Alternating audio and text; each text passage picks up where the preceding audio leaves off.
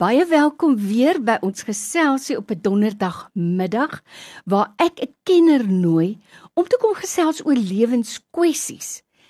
Nou van hierdie probleme spoor ek op in die daaglikse SMS'e en WhatsApps wat ons kry byvoorbeeld.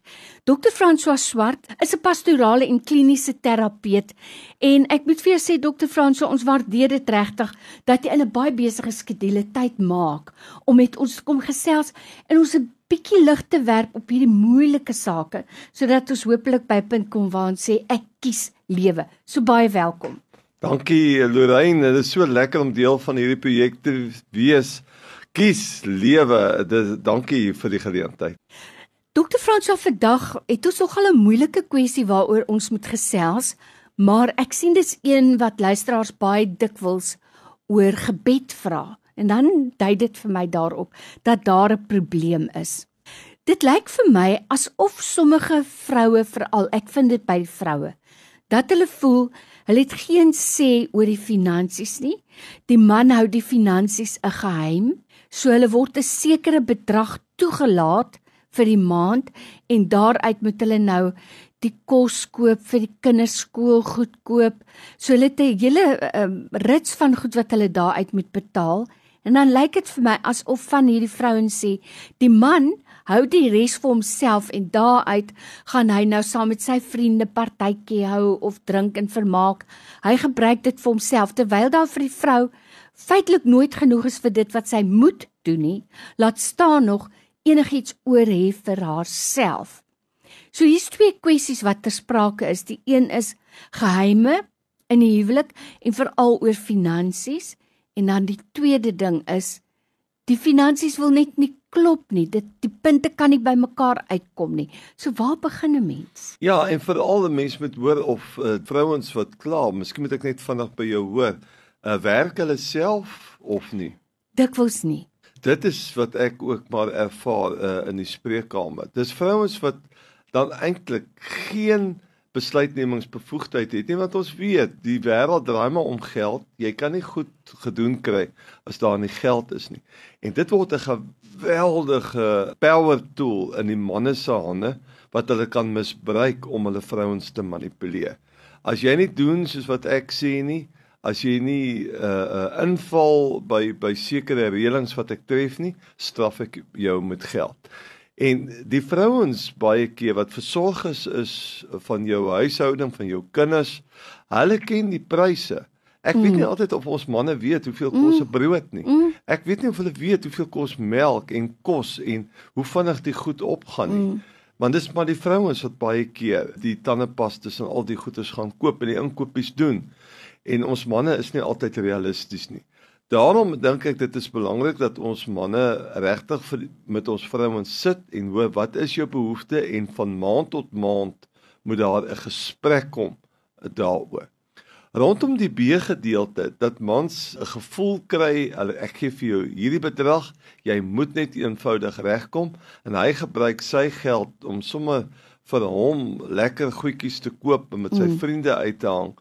Dit is 'n vorm van om iemand baie sleg te benadeel en eintlik seer te maak.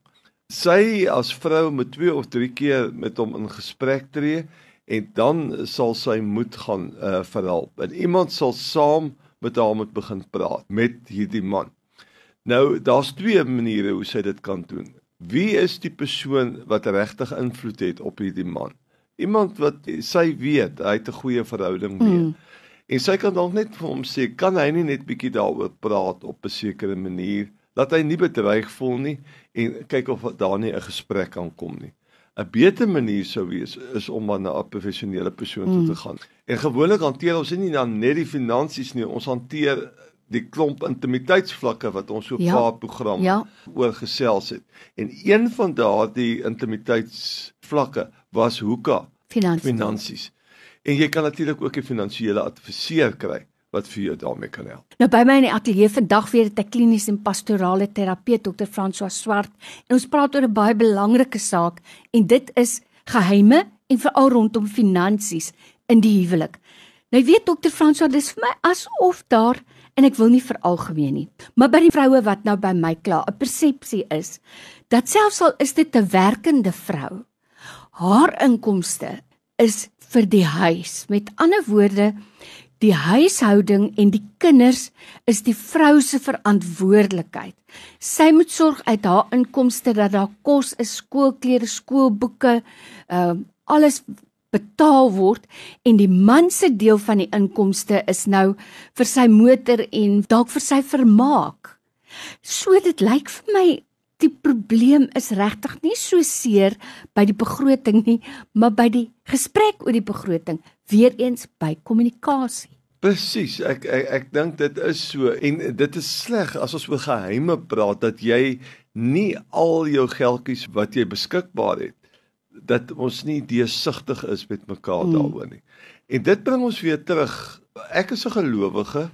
Ek is in 'n huwelik. My maat is vir my geleen. Ek vat verantwoordelikheid vir haar. Ek wil 'n goeie vrou vir my man wees. En ons moet praat dan oor geheime.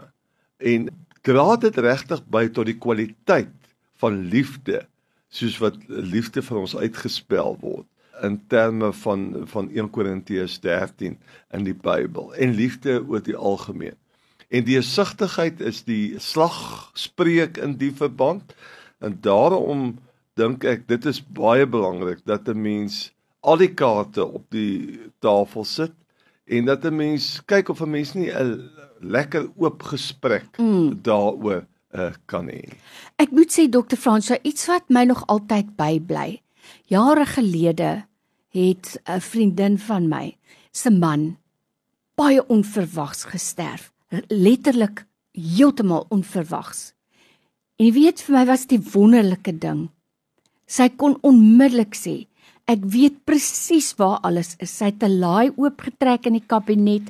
Die leers was daar agter mekaar. Alles was uitgesorteer en alles was gereël.